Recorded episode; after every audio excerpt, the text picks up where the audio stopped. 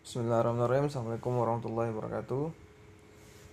Semoga mahasiswa sekalian dalam keadaan sehat Walau di tengah isu tentang wabah penyakit COVID-19 Dan semoga eh, podcast ini membantu dan tidak mengurangi esensi eh, pertemuan tatap muka kita eh, yang berkaitan dengan praktikum metodologi penelitian sosial. Sesuai dengan ketentuan dari pihak rektorat, maka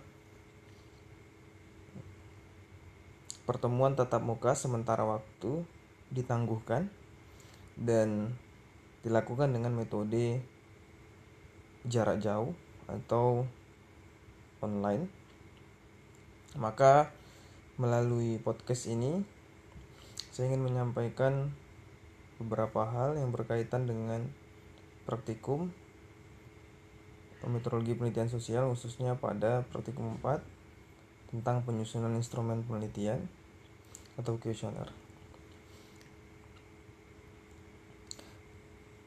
Kita memahami bahwa sesungguhnya dalam metodologi penelitian sosial hal yang paling eh, fundamental atau hal yang sangat penting untuk dipahami adalah tentang bagaimana sesungguhnya informasi-informasi yang kita dapatkan, informasi yang ingin kita ketahui, informasi yang ingin kita gali harus dilakukan dengan metode penyusunan instrumen penelitian atau dengan pendekatan kuesioner.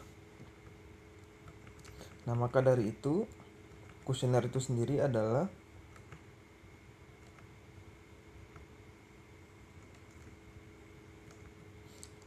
um, daftar pertanyaan yang tersusun dengan baik yang digunakan untuk alat pengumpulan data melalui survei. Nah, kita bisa lihat bahwa aktivitas eh, yang sering dilakukan oleh peneliti-peneliti sosial itu dengan metode survei. Nah, alat yang digunakan apa? Nah, kuesioner adalah alat yang digunakan untuk mengumpulkan data-data yang eh, yang belum uh, kita ketahui. Nah, maka dari itu kuesioner memandu kita untuk mencari informasi kepada si responden. Nah, jenis data yang bisa dikumpulkan sebenarnya ada dua hal dan ada juga yang kalau kata Creswell itu ada tiga. Ada metode kualitatif, ada kuantitatif dan ada campuran. Jadi data-datanya juga data-data kualitatif, kuantitatif dan data-data campuran. Campuran yang dimaksud adalah menggabungkan dua data, data yang berupa angka kuantitatif dan data yang berupa deskriptif atau data kualitatif. Nah, tentu kuesioner ini memiliki tujuan bahwa uh, alat yang uh, digunakan untuk uh, menselaraskan antara tujuan, isi, dan hasil yang ingin kita capai. Maka kuesioner memandu itu agar hal-hal yang ingin kita capai di dalam penulisan ilmiah bisa eh, terwujud. Maka eh, kalian nanti bisa membaca panduan ini dulu, kemudian baru menyelesaikan tugas praktikum yang eh, saya berikan. Dan apabila nanti mengalami kesulitan maka kalian bisa online ke saya untuk menanyakan hal tersebut. Saya langsung pada tujuan praktikum.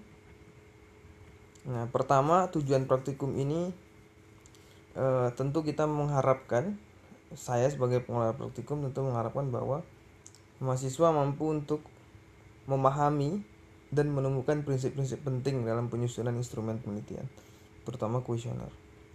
Kemudian yang kedua, terampil dalam menyusun instrumen penelitian terutama kuesioner. Nah, artinya eh, mahasiswa diminta untuk mampu menyusun instrumen penelitian dengan menggunakan kuesioner.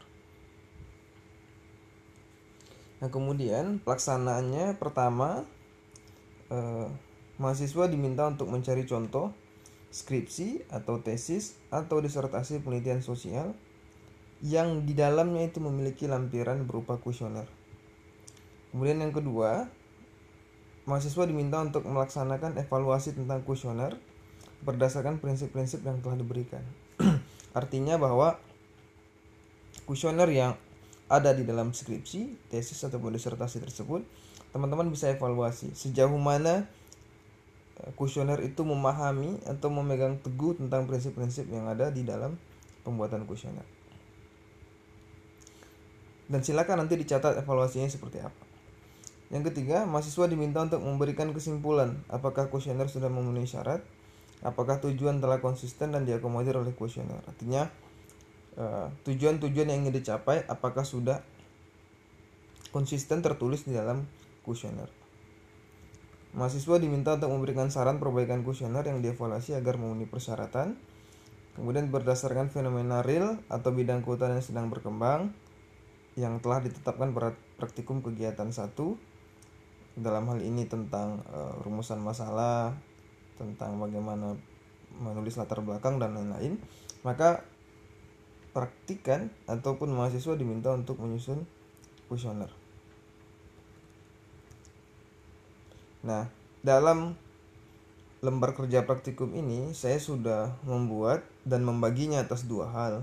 Pertama, evaluasi tentang skripsi, tesis dan disertasi. Kemudian yang kedua, kalian diminta untuk menyusun kuesioner itu sendiri.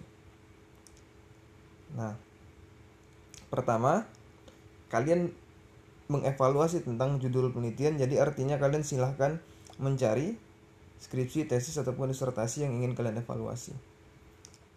Tujuan penelitian, responden yang diwawancarai siapa, informasi yang ingin digali di dalam kuesioner itu apa, kemudian persepsi si penulis terhadap kuesioner yang dia buat, kemudian informasi apa yang ingin uh, diambil di dalam kuesioner tersebut. Nah, ini ini hanya berkaitan dengan evaluasi.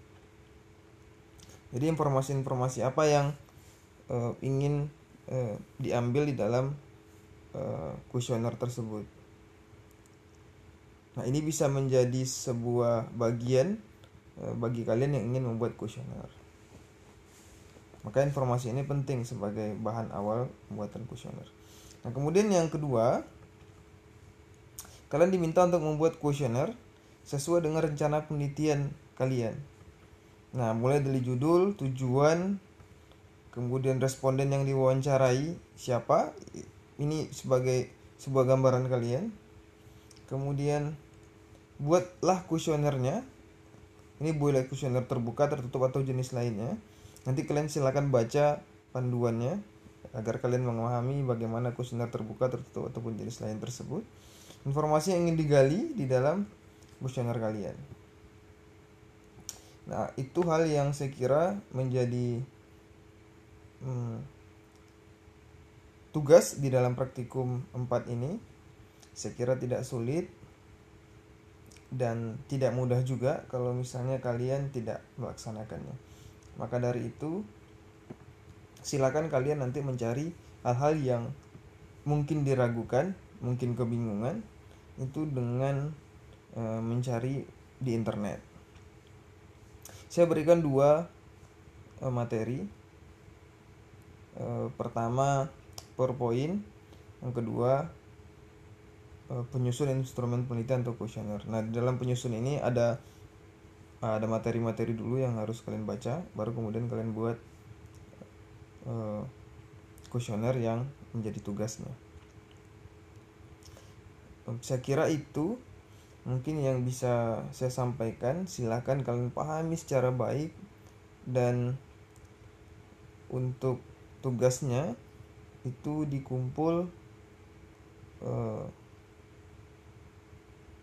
sampai dengan batas kita bertemu tatap muka tetapi ini tentatif e, bisa sewaktu-waktu berubah tetapi kalau misalnya rasionalnya masih dua minggu lagi maka dua minggu lagi baru kita kumpulkan. Dan yang sekalian dengan yang pada saat e, tugas sebelumnya tentang evaluasi rumusan masalah. Jadi sekira itu mungkin yang bisa saya sampaikan. Podcast ini saya harap bisa membantu kalian untuk dapat memahami apa yang ada di dalam tugas praktikum ini dan sekiranya ada hal-hal yang mungkin tidak kalian pahami silakan kalian tanyakan kepada saya melalui koordinator ataupun melalui langsung kepada saya. Mungkin demikian yang bisa saya sampaikan. Tetap jaga kesehatan. Eh, kemudian silahkan beraktivitas di rumah dan tidak dalam lingkungan keramaian karena akan berpotensi yang tidak baik terhadap penyebaran-penyebaran virus COVID-19. Kemudian jangan lupa belajar, jangan lupa membaca buku dan terus update pengetahuan. Dan yang paling penting adalah mulai dari praktikum awal metodologi penelitian sosial kalian sudah punya dan sudah mempersiapkan draft proposal dan pada saat kalian nanti di semester 7 kalian sudah bisa seminar proposal. Mungkin itu. Terima kasih banyak. Saya akhiri. Topik Wassalamualaikum warahmatullahi wabarakatuh